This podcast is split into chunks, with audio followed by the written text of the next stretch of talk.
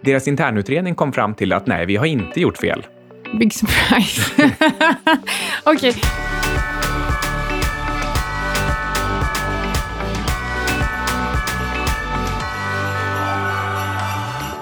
Vi håller på att spela in Outsiders. Du lyssnar på Outsiders. Och eh, vi pratar.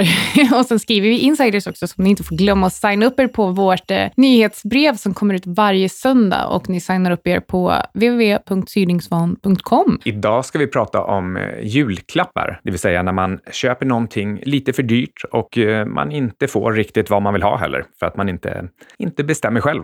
Alltså, vi ska prata om investmentbolag. Men de kan ju faktiskt också vara som Kinderägg med överraskningar till rabatt. Och jag vill faktiskt också säga att eh, på, för dig och mig så kanske det inte fyller någon superstor funktion att köpa investmentbolag, men jag tycker faktiskt att det är ett jättebra alternativ för eh, nya sparare som vill testa sin lycka på börsen och köpa enskilda aktier, men ändå köper då investmentbolag istället för bara gå all crazy på stockpicking. Vi ska bland annat prata om just vem investmentbolag passar för och eh, vilka investmentbolag man i sådana fall ska ha. Ehm, helt enkelt, när är det bra med investmentbolag? För ibland är det bra. Precis, och hur kan man till exempel tänka kring den här rabatten eller premien som eventuellt ligger på? Men eh, först, innan vi kör igång, så vill vi tacka Omni Ekonomi som är Outsiders partner. Och eh, både du och jag gillar den här appen väldigt, väldigt mycket, eller hur? Ja, det som gör att användarna gillar Omni Ekonomi och jag också, det är att det är helt gratis att använda. Eh, de samlar in nyheter nyheter från alla världens och Sveriges alla affärsmedier i en enda app. Och eh, du kan dessutom lägga upp bevakningar på de bolag eller marknader och ämnen som intresserar dig mest. Omni Ekonomi är kort sagt ett perfekt sätt att läsa affärsnyheter på, tycker jag. Precis, som gör som 250 000 andra personer i Sverige redan har gjort och ladda ner Omni Ekonomi från App Store eller Google Play. Helt gratis att ladda ner och alltid helt gratis att eh, använda. Innan vi eh, går vidare med investmentbolagen så eh, ska vi dra lite roliga nyheter från veckan. Yes, eh, så det här är alltså vad som har hänt på marknaden. H&M kom ut med eh, försäljningssiffror för fjärde kvartalet. De var, de var ju riktigt bra, upp 6 procent. Ja, fast eh, de, de var typ i linje med förväntningarna. Förväntningarna låg på 6,5 procent. Men det som faktiskt drog ner H&M var ju Asos som vinstvarnade och det drog ner konkurrenterna ganska rejält. Och ja, 6 procent var typ i linje med förväntningarna, men det ger också omsättningen per 2018 som helår steg steg då med 3 procent i lokala valutor eh, och det är ju i, lite under kritik med tanke på att förra året så var det flat. Så andra derivatan, positiv. men, eh, men nej, jag är faktiskt väldigt, väldigt nöjd över att jag har haft kvar den här korta positionen, vilket jag pratade om innan. Så nej, men eh, jag tycker att det känns bra. I linje med mina förväntningar kanske man kan säga. Långbänken om Brexit går vidare och sprider sig till lite eh, oväntade håll kanske. Amerikanska finansinspektionen, SEC, har eh, varnat EU och UK för att eh, liksom få, få ordning på torpet och se till att ha en beredskapsplan för ehm, ja, det, det stök som kan bli om man tillåter Brexit att, att bli av helt okontrollerat utan att ha något ordentligt avtal på plats. Och eh, eh, häromdagen, ja, igår, så vi spelar in det här på onsdag, igår tisdag tisdag så alltså, kom Italien och EU överens om Italiens budget. Ja, egentligen då, hur stort budgetunderskott de ska få ha. Idag ska de skriva på officiellt. Och ni ber och jag ger. Så jag har bestämt mig för att lyssna lite på en gammal Fed-topp och ingen mindre än Alan Greenspan som då säger att han tror att vi har sett den här cykelns börstopp. Så att, ja, nej, men jag håller väl med då. Jag, jag gör som ni säger, jag lyssnar lite mer på gamla Fed-chefer och det han säger egentligen att han skulle bli väldigt, väldigt förvånad om det skulle skulle vara så att vi stabiliserar oss på de här nivåerna och sen fortsätter uppåt, utan han tror att vi står inför eh, en rejäl recession, vilket var trevligt att höra. It would be very surprising to see it sort of stabilize here and then take off again. But it's happened in the past. However, at the end of that one, run for cover. Undrar om han eh, tycker att man ska sänka räntan nu eller inte. På tal om det så tycker jag ju faktiskt, jag sa det till dig igår, att jag tycker att eh, Powell gör sitt jobb eh, ganska bra. Han eh, håller, vi får väl se ikväll då när det kommer, eh, eh, när vi får se om de faktiskt höjer räntan eller inte. Men jag tror det och jag tycker att det känns, ja, men det känns bra att någon som faktiskt tar sitt ansvar och det som är faktiskt bra för ekonomin i sig och inte bara för sin egen karriärs skull. En del tycker att han har gett en liten signal om att vara en så kallad market man det vill säga en Greenspan-puttare, när han pratade lite dovish för några veckor sedan, men eh, jag sällar mig till det lägret som tror att han egentligen bara knuffade över bollen till Trump och, och, och säger i princip, ja, nu får vi se vad du gör med den här då. Men, eh, men, men Powell själv är ute efter att höja räntan. Spännande, minst sagt, det här med räntehöjningar, tycker i alla fall jag. Men eh, om vi ska återgå till eh, det som det här avsnittet faktiskt handlar om, vilket är investmentbolag. Ja, varför ska man köpa dem?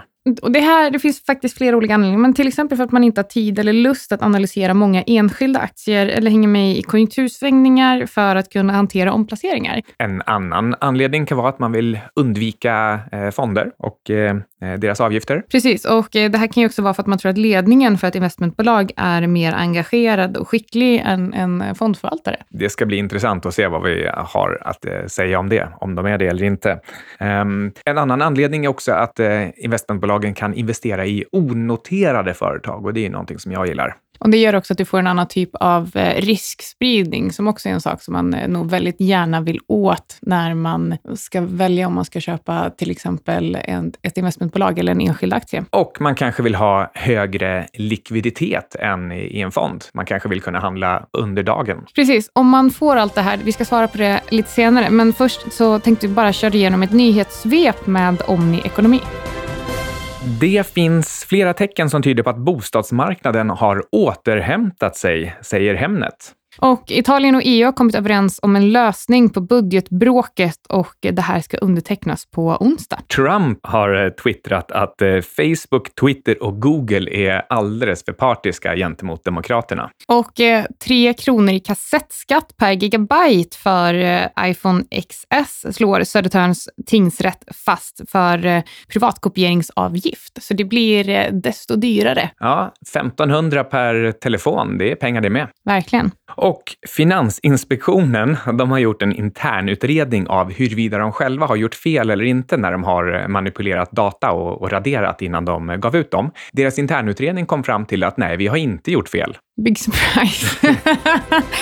Okej, okay, men om vi återgår till eh, de här frågorna. Då. Får man högre likviditet än en fond? Får man bättre riskspridning? Eh, kom, få, eh, är ledningen mer engagerad än en fondförvaltare till exempel när man köper eh, investmentbolag? Får man allt det här? Ja, alltså man får ju någon typ av dold avgift i alla fall. Det finns en organisation. Det finns analytiker och vd och lokal och kostnader för Bloomberg och andra informationssystem. Så eh, en, ett investmentbolag på en miljard, den kan ju lätt ha en kostnad på 10 miljoner per år, vilket ju faktiskt är 1 procent, vilket en del skulle tycka är en ganska dyr fond. Men det är ju inte ens lönekostnader inräknat där. Nej, det blir inte så många, eh, så många, så många löner för 10 miljoner, i alla fall inte i, i Finans Stockholm.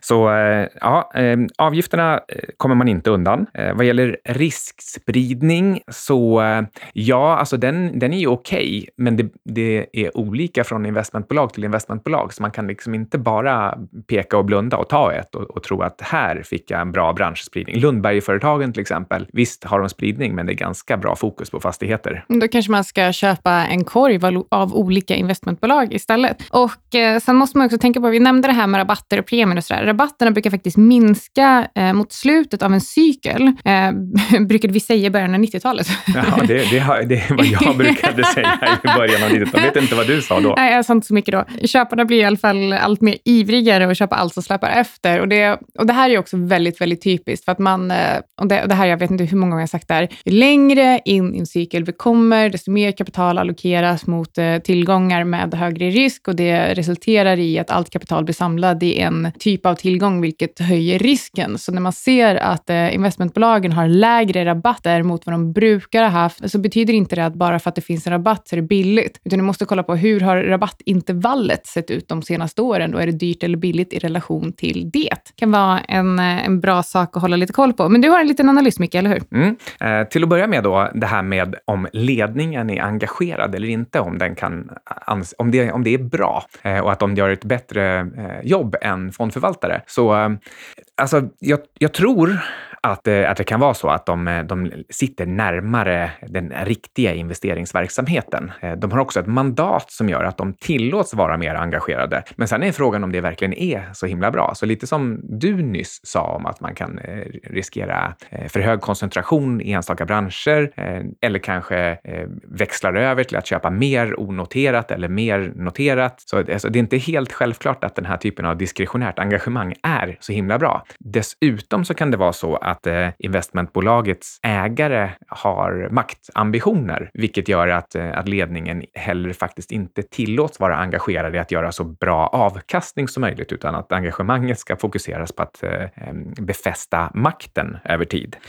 Men däremot är det här vi sa om likviditet, det stämmer absolut. Du, I ett investmentbolag, då kan du ju faktiskt handla den här intradag om du nu vill det, vilket i och för sig inte självklart är bra heller, för då blir du själv inlurad att göra av med massa avgifter på courtage och massa tid på kanske onödig trading. Men tillbaka till eh, analysen. Jag ser framförallt två användningsområden och jag tycker att man ska kombinera dem. Eh, och, det, och det är att ett investmentbolag med onoterade innehav, det är någonting som är svårt att komma åt som vanlig privatperson annars. Och det andra man kan kombinera, eh, förutom då onoterade innehav, det är någonting med en bred börsportfölj. Så liksom på det här sättet så, så fångar man upp det bästa av aktier, både onoterade småbolag och noterade storbolag, samtidigt som man då har den här likviditeten i form av själva investmentbolagsaktien.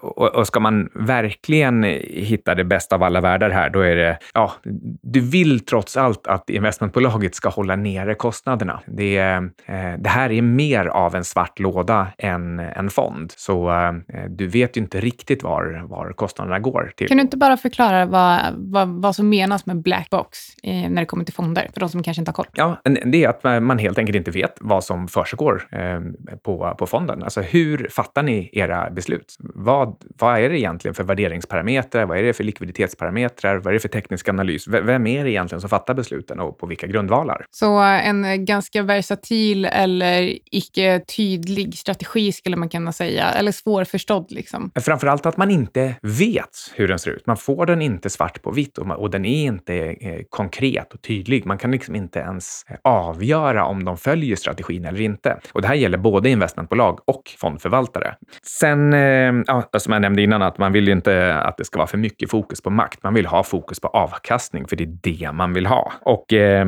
eh som en liten sista analys av själva rabattnivån, för här, här ser man ju rabatter inom alla möjliga olika intervaller, men hur många tänker på hur en rimlig rabatt bör räknas ut? Och då kan man, då eh, härleder man det här till avgiftsnivån. Om kostnaderna är ungefär 1 av förvaltat belopp per år, då motiverar det ungefär en rabatt på 10 till 20 procent. Så, så ett investmentbolag som har kostnader på 1% om året och har en rabatt på 15 procent, det är inte billigt. Det är inte 15 rabatt eller rea. Det är helt och hållet rimlig eh, diskontering av den där avgiften. Men om man tittar på vinnare och förlorare när, tittar, när vi kommer till investmentbolag, hur, hur har de gått i år? Ja, de, de flesta har gått ungefär som börsen. Nu har ju börsen tappat 8 procent eh, och investmentbolagen ligger på ungefär plus minus 10 procent. Men det är ändå i mitten av vad OMX-bolagen har gjort. Man, eh, investmentbolagen tillhör vare sig vinnare eller förlorare egentligen, utom Ratos som med sina, eh, jag tror det var 33 procent minus ungefär, de, de tillhör förlorarna. Men de har ashög direktavkastning. Ja, det är väl härligt. Man Bra för alla utdelningsinvesterare! Man fick Grattis! ändå 8 procent. Nice. Men ja, och 8 procent, det är vad OMX har fallit i år, eller hur? Ja, och där har vi den stora vinnaren i Ericsson. Också ganska otippat i början på det här året. Ja, eh, men det är väl, det är väl Christer Gardell-effekten mm. och sen har vi lite sån här 5G-effekt kombinerat med handelskriget, skulle jag nog nästan vilja säga. Att man, man hoppas eh, på att Ericsson är den här lite neutrala spelaren som inte behöver dras med i handelskriget. Eh, men eh, utöver det så är det defensiva bolag som är vinnare. Det är Astra som är en väldigt tydlig tvåa och sen därefter så har vi till exempel eh, Telia, Tele2 och Swedish Match också ligger på plus.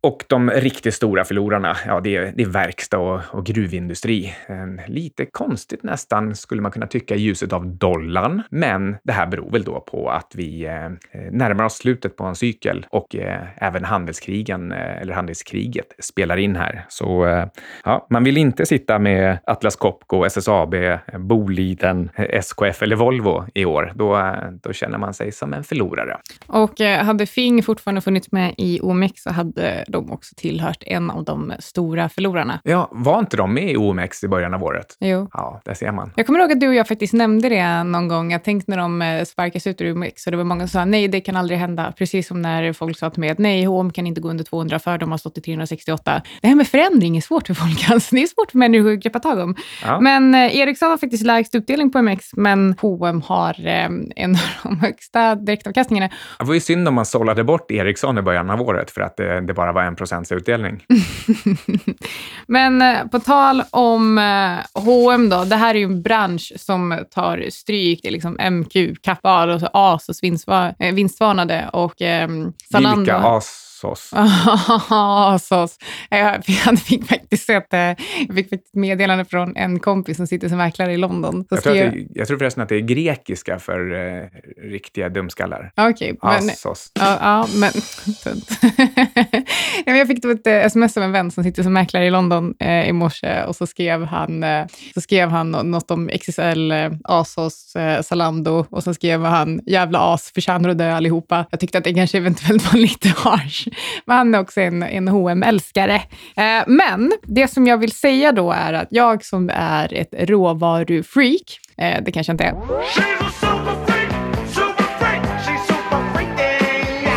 Men, eh, men jag som gillar råvaror, vet du om man hade köpt, en, eh, om man hade köpt bomull, som eh, ju är faktiskt en ganska stor underliggande råvara för alla de här bolagen, då hade det gått mycket bättre.